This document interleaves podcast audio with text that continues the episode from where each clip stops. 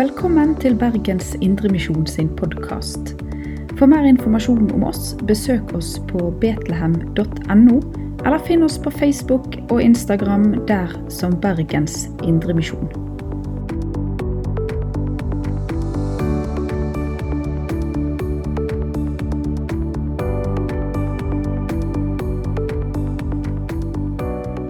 Ja, gledelig pinse, alle sammen.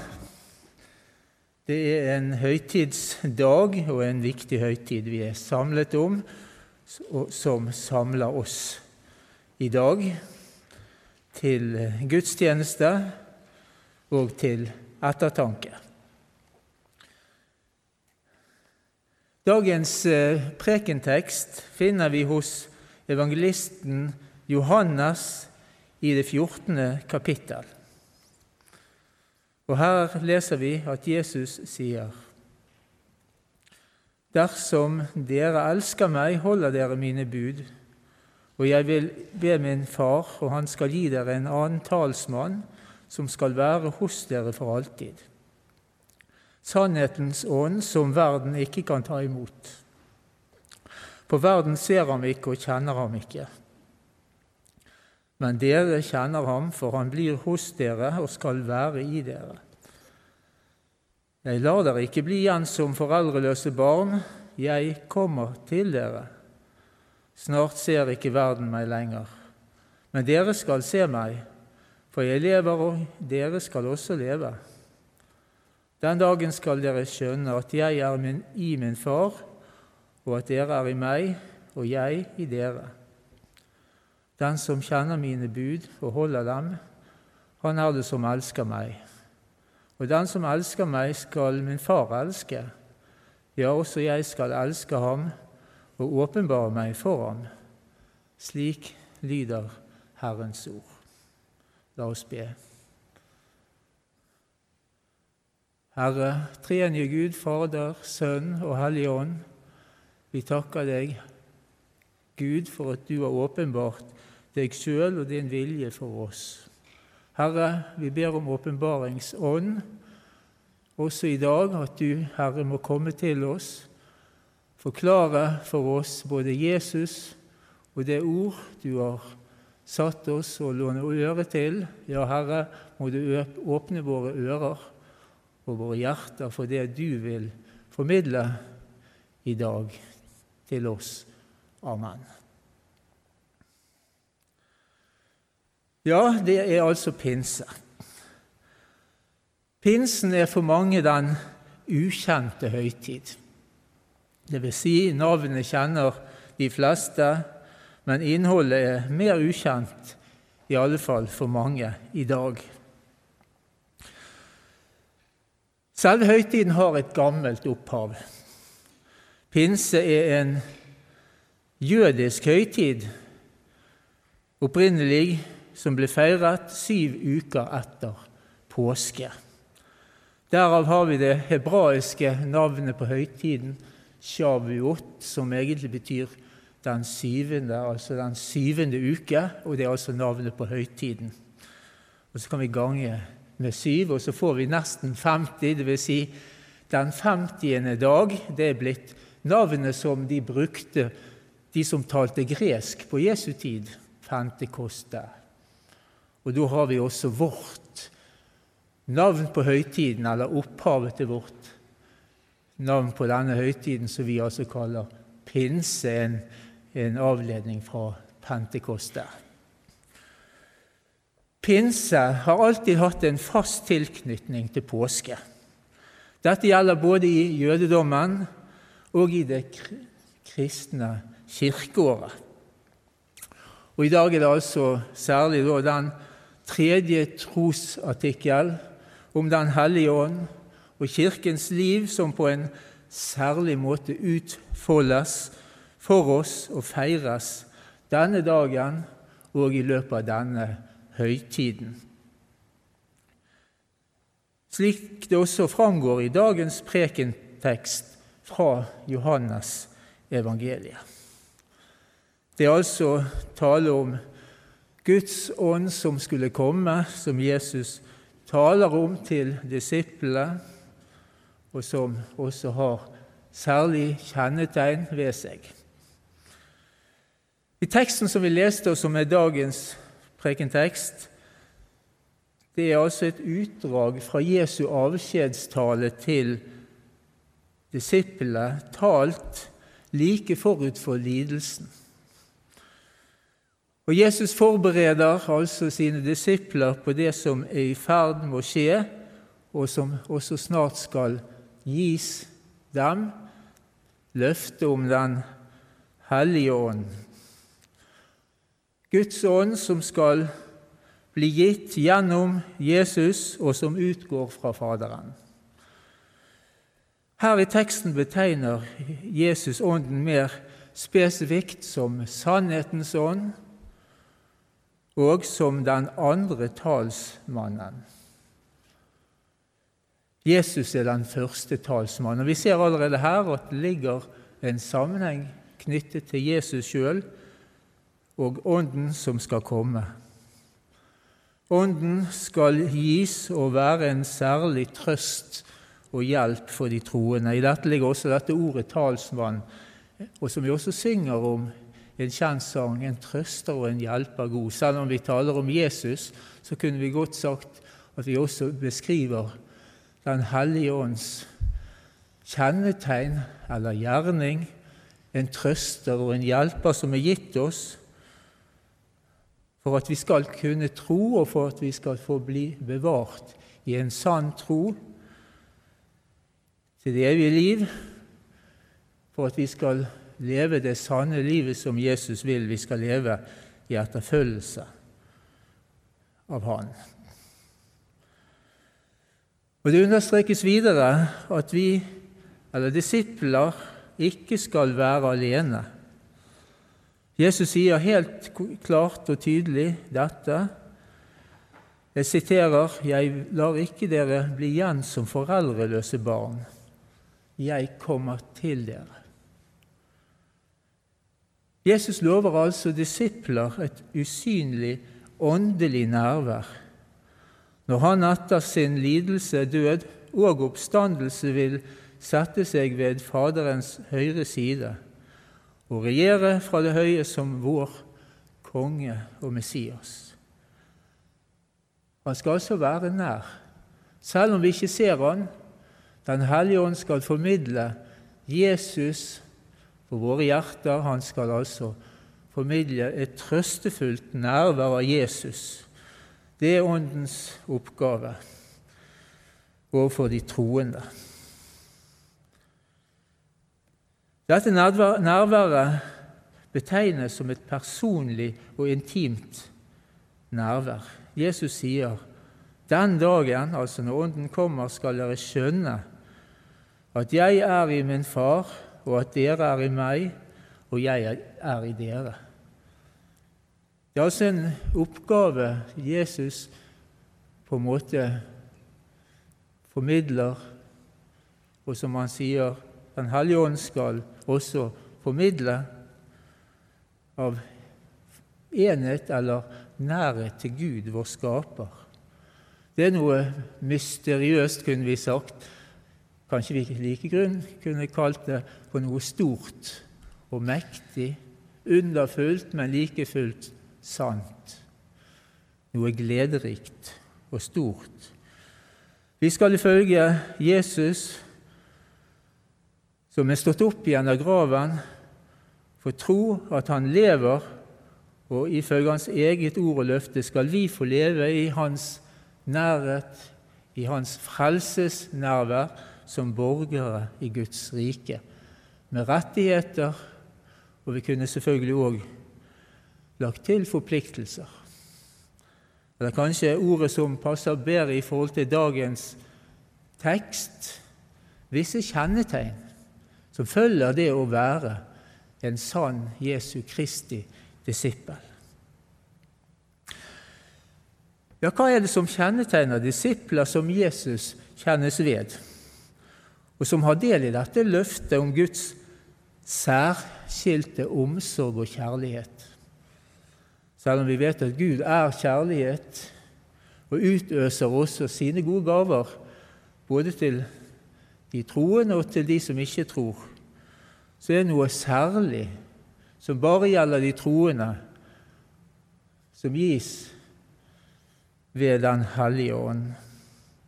Men altså dette kjennetegn som Jesus også her løfter fram for oss, det skal vi stoppe opp litt ved. Jesus, altså Jesus sier jo i teksten som vi leste, den som kjenner mine bud og holder dem, han er det som elsker meg. Og han eller den som elsker meg, skal min far elske. Det er altså et kjennetegn ved det å gi på en måte sitt gjensvar til Jesus. Det å være hans. Ja, det er å kjenne Guds bud og holde dem. Ja, har det noe med den denne høytiden å gjøre? Ja, absolutt. Det er ikke noe nytt. Det er absolutt et kjennetegn som har fulgt pinsehøytidsfeiringen fra gammelt av. Først vil jeg minne om at de ti bud hadde en særlig plass i jødenes pinsefeiring på Jesu tid. Det var også andre elementer med denne høytiden, en form for takknemlighet de også skulle uttrykke for grøden som Gud gir. Det var også den første grød, det vi kaller førstegrødefest.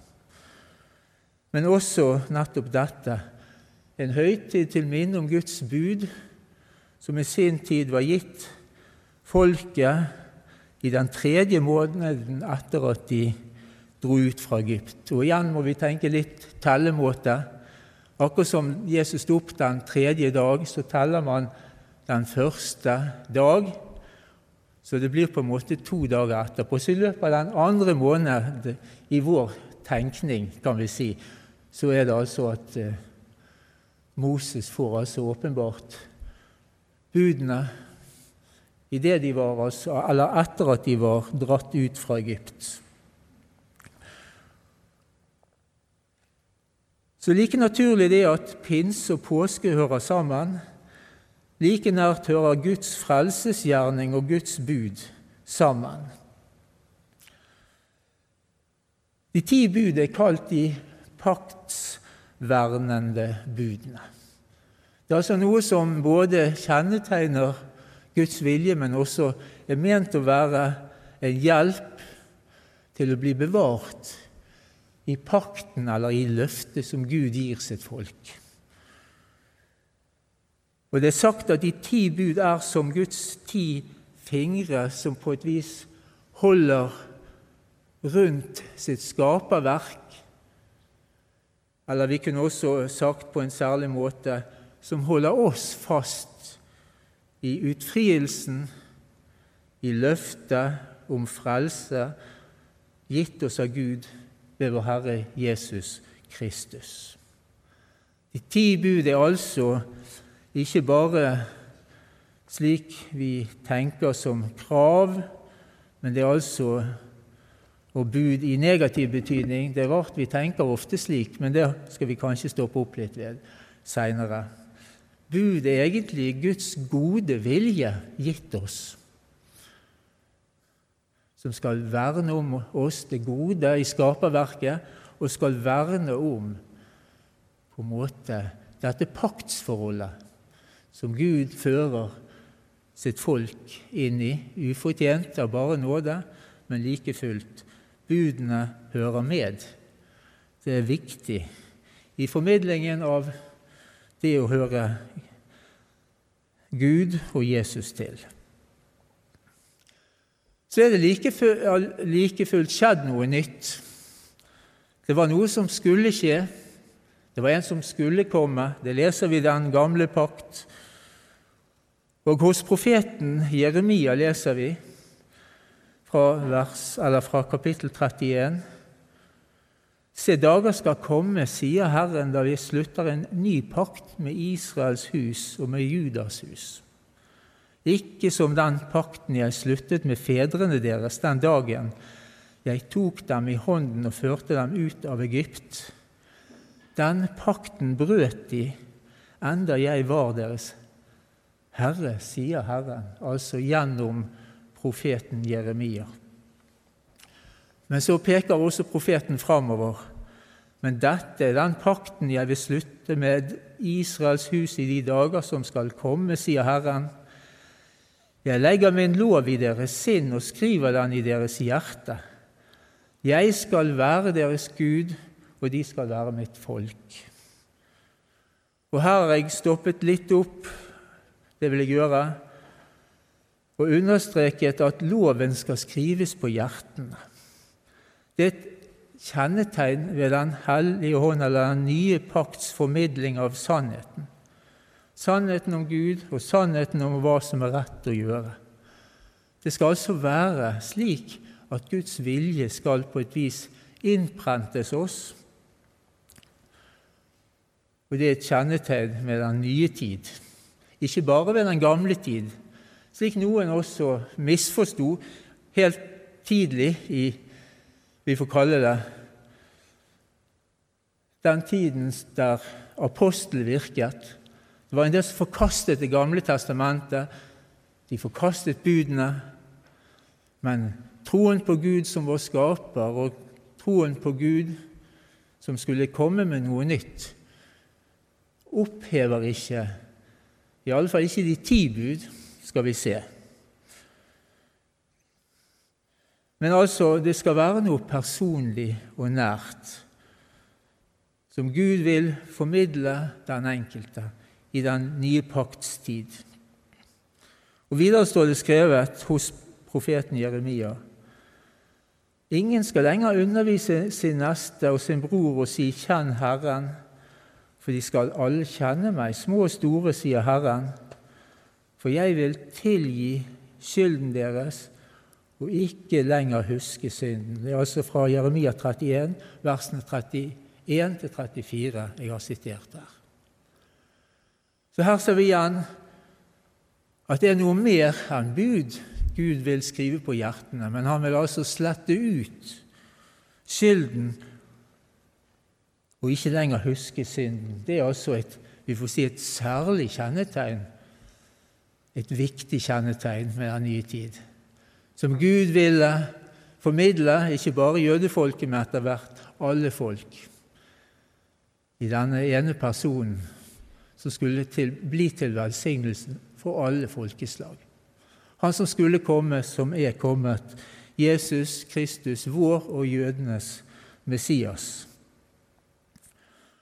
Og Vi vet at påsken ja, der etableres på mange måter grunnlaget for tilgivelsen vår der han blir gjort til synd. Jesus bærer verdens synd opp på korset. Tre og soner alle våre synder, sier apostel Johannes. Ja, ikke bare våre, men hele verdens. Egentlig så er det altså en forsoning som gjelder alle mennesker. Men like fullt, det er ikke alle som ennå har fått del i denne.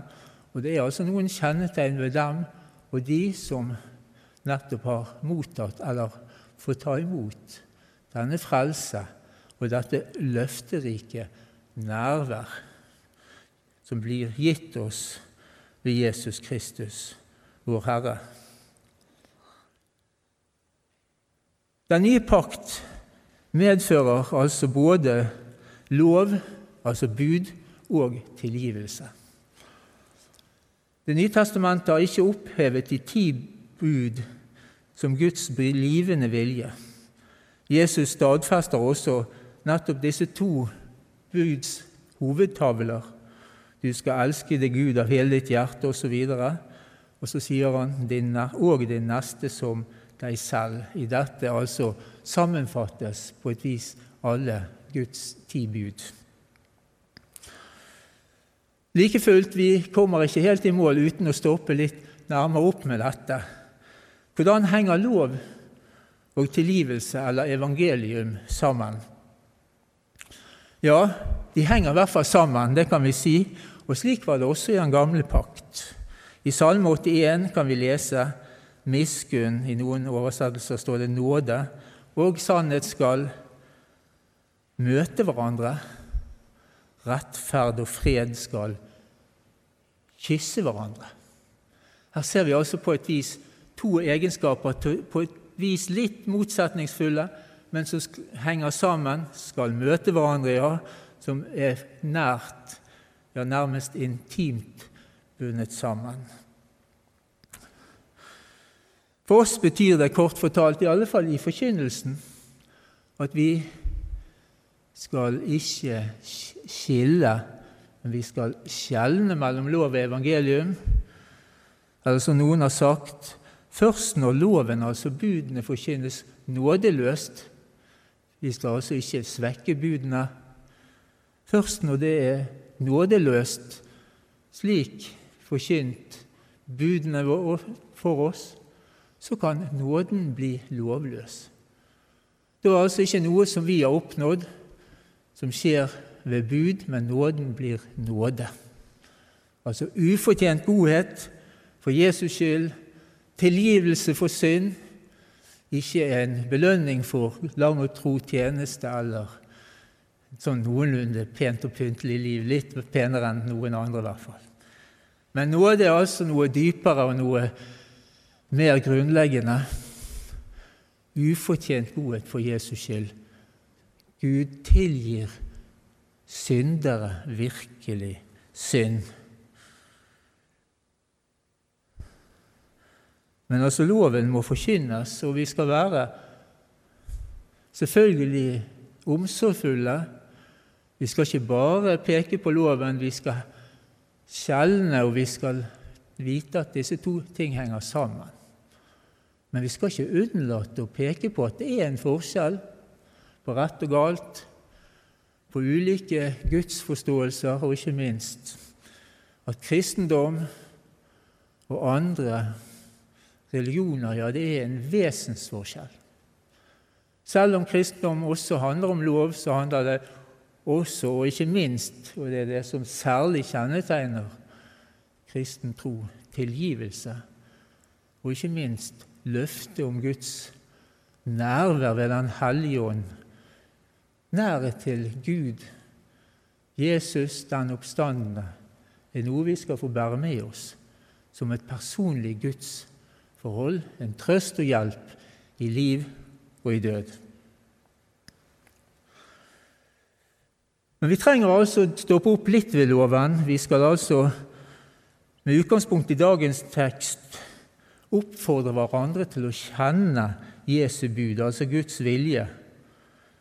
Vi skal altså bli kjent med det Gud vil vi skal gjøre, det som budene sier kort fortalt, eller litt mer nøyaktig og nyansert. Vi kan nærme oss budene på forskjellige nivåer. Først kanskje bare få med oss ordlyden. Du skal ikke ha andre guder enn meg. Du skal holde hviledagen hellig. Du skal ikke misbruke Guds navn, som på mange måter er den første lovtavlen. Du skal elske din Gud av hele ditt hjerte. Og Det skal bety også at du skal sette av tid til å låne øre til det Gud vil formidle. Det er rett å bruke nettopp høytider som, nett, ja, som er gitt oss fordi at vi har vært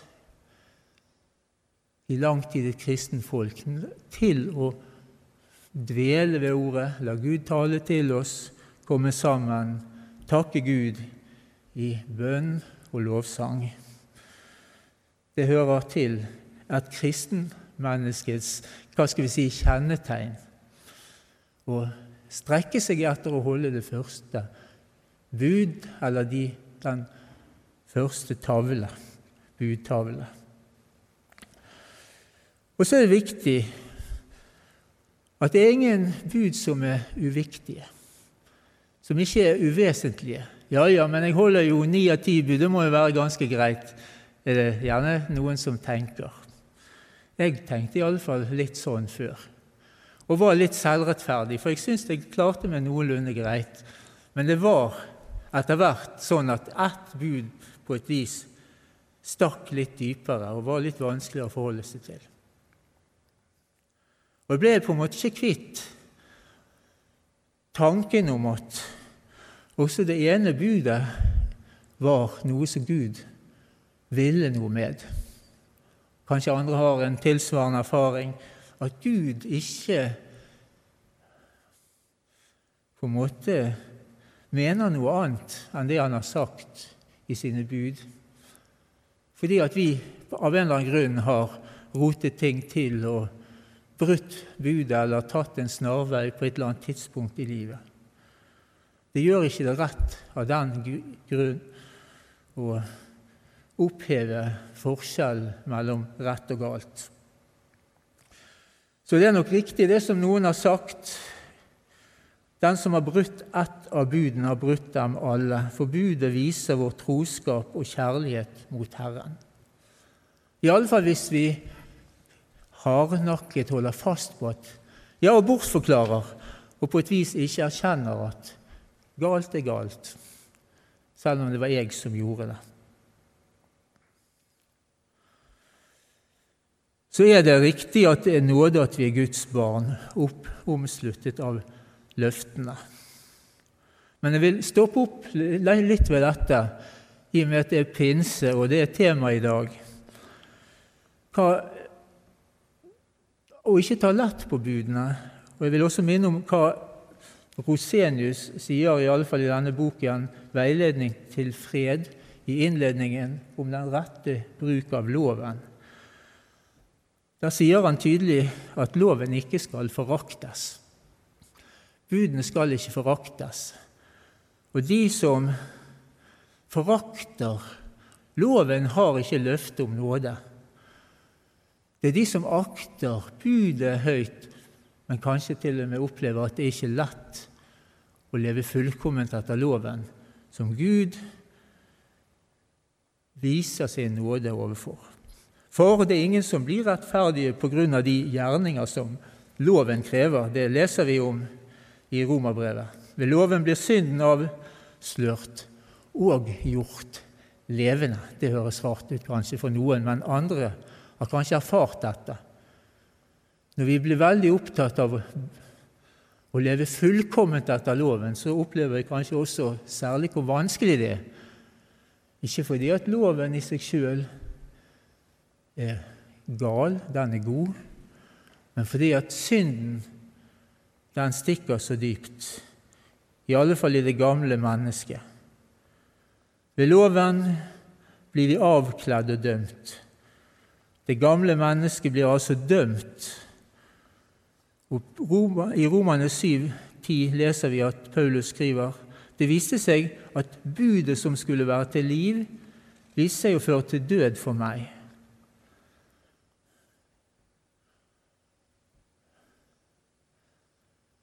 Helliggjørelse. Det er en del av det å være en kristen, å være gjenstand for Den hellige ånds gjerning med oss mennesker som allerede kom til tro. Den hellige ånd virker også på denne måten overfor et kristent menneske. Herren døder og gjør levende. Det gamle mennesket skal dø for at noe nytt skal oppstå. Det er på mange måter det kristne livet. det.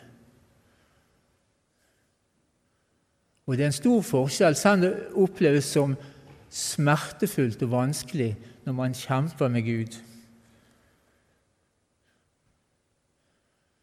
Det er en stor forskjell mellom det å ha med Gud å gjøre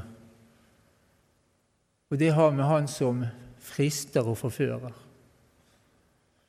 Han som frister og forfører, vil gjerne bryte ned troen i oss. Men Gud vil bryte ned det gamle mennesket i oss for at det nye mennesket skal vokse og leve ved troen på Jesus Kristus, den oppstandende, den korsfestede oppstandende, alene. Så er Den hellige ånd virksom i loven, også på andre måter, i helliggjørelsen, som gjør at vi ja, klynger oss til Kristus, men også blir holdt fast i loven, i budene, for at Kristus alene skal råde. Helt inn i hjerteroten vil Gud råde, og da skal altså Jesus dypest sett være den som skal være i sentrum. Han er vår rettferdighet og vår fred. Når et menneske sier 'Jeg har syndet', i møte med Guds bud og ikke avviser Hans ransakende ord, da er det grobunn, virkelig grobunn for å høre evangeliet og la det virke i våre hjerter. Da kan ordet om syndenes forlatelse for all synd virkelig virke frelse og fred. Av Guds nåde til Guds ære. Slik er livet med Gud. Gud virker både ved sitt, sitt, sine bud og sitt løfterike evangelium om frelse og fred. Det er viktig å holde fast på Jesu bud. Noen ganger så handler det ikke bare om oss, men det handler også om vårt vitnesbyrd overfor verden. Budet holder oss altså nær til Guds sannhet, og det er viktig, spesielt viktig å holde fast på budet der kampen står. I dag står kampen både om ekteskapet om å hedre far og mor, altså familien. Det fjerde og det sjette bud. Det er en kamp i samfunnet i dag som vi er satt inn i, og som vi skal vitne sant om.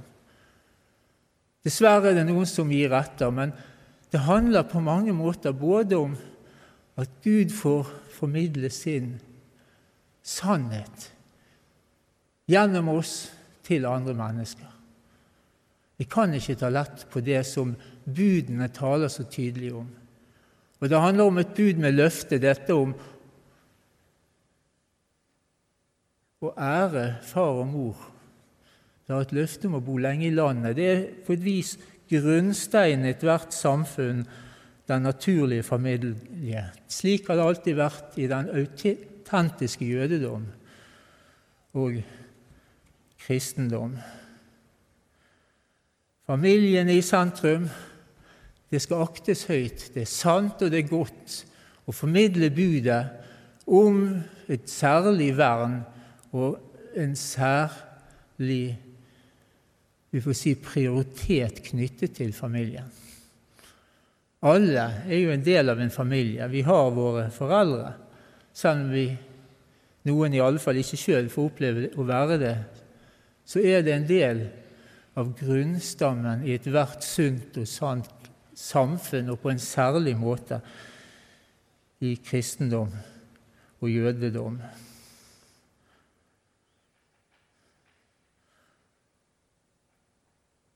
Kristus opphever ikke budene, men han oppfyller dem.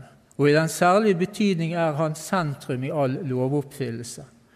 Vi kan ikke praktisere de ti bud, heller ikke ekteskapsbudet, fullt og helt uten i troen på Jesus. Så vi skal også bevege oss opp og si ja, det å holde ekteskapet, det å bevare en sunn og god familie, ja, det er godt og sant og rett. Men uten Kristus så forfeiles livet på det vesentlige punkt, det første bud, du skal ikke ha andre guder enn Gud. Vil si, vi skal ha Gud som vår Gud, som vår frelser og Herre.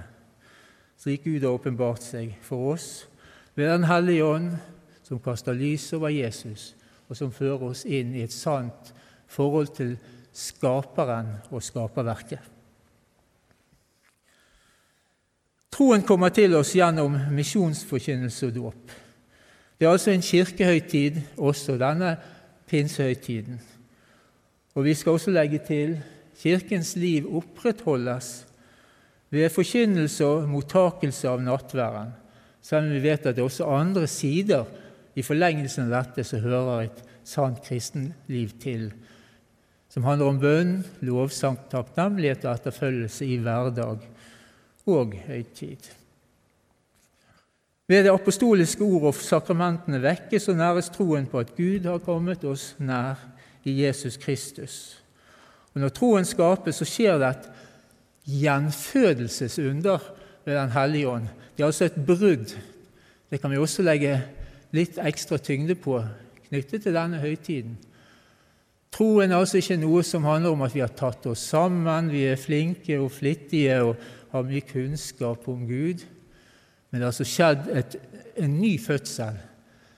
Det har skjedd noe radikalt nytt Ved troen da har Den hellige ånd skapt tro i våre hjerter. Tro på at Jesus er min frelser og Herre. Tro på at jeg har syndens forlatelse og løftet om Hans medvandring gjennom livet i høytid og i tyngre dager. Alltid har Han lovet å være med. Og Den hellige ånd vil også nettopp formidle denne trøst alltid. Så er vi satt til å være hverandres trøst og hjelp også. Vi har også oppgaver overfor hverandre å vitne om Jesus, både for ikke-troende og for våre søsken i troen. Vi skal altså styrke hverandre og hjelpe hverandre på veien, og vi skal også få lov å peke på Jesus. Peke på at det er noe håpefullt og gledelig. Det er virkelig noe lyst midt i verdens mørke som vi får del i ved Jesus Kristus. Vår oppgave er å være vitner. Guds oppgave er å stadfeste ordet og overbevise mennesker om synd, rettferdighet og dom. Og Der tenker jeg vi skal være tillitsfulle. Vår oppgave er så langt, og så er det Gud som må virke på hjertene. Og På et eller annet tidspunkt er det altså de som hører, som har et selvstendig ansvar. Ville la Gud få rett? Vil la Gud få slippe til? Vil jeg at Gud skal få sin vilje med meg, eller vil jeg gå på mine egne veier? Der står kampen, og det er en kamp vi alle står i, men på en særlig måte den som ikke har tatt imot ordet om korset, om den korsfestede oppstandende Herre, Herre og Frelser. Og så skal vi få lov å si til den som lenge har stått imot, den som ser sin synd, i alle fall ser at han eller hun har forfeilet med sitt liv, at det har gått mange ganger der man har på et vis lukket øret for det liv Jesus kaller oss alle til å leve. Jesus sier 'Jeg er ikke kommet for rettferdige, for å kalle rettferdige, men syndere'. Det er ikke de friske som trenger lege, det er de som har det ondt. Jesus er fortsatt synderes venn. Og til den som vi møter, som ser sin synd, og låner øre til Jesus og det han har å si, kan vi også få lov å si Jesus er din rettferdighet overfor Gud. Han er din talsmann. Han skal få være din trøst, også i dommen det skal du få lov å tro. Jesus er ikke kommet for å dømme, men for å frelse. Og det er frelse å finne i Han. Han som er kommet for å gi deg alt godt. Tilgivelse, nytt liv, delaktighet i frelsen, Guds rike tilhørighet med barnerett og bønnerett her og nå, og til sist det evige liv i Guds rike. La oss be. Skriv deg Jesus på mitt hjerte. Du min konge og min Gud, at ei lyst, ei heller smerte, deg formår oss slette ut. Denne innskrift på meg sett, Jesus ifra Nasaret, den korsfestede min ære og min salighet skal være. Ære være Faderen og Sønnen og Den hellige ånd, som var og er og være skal, en sann Gud fra evighet og til evighet. Amen. Du har lytta til Bergens Indremisjon sin podkast.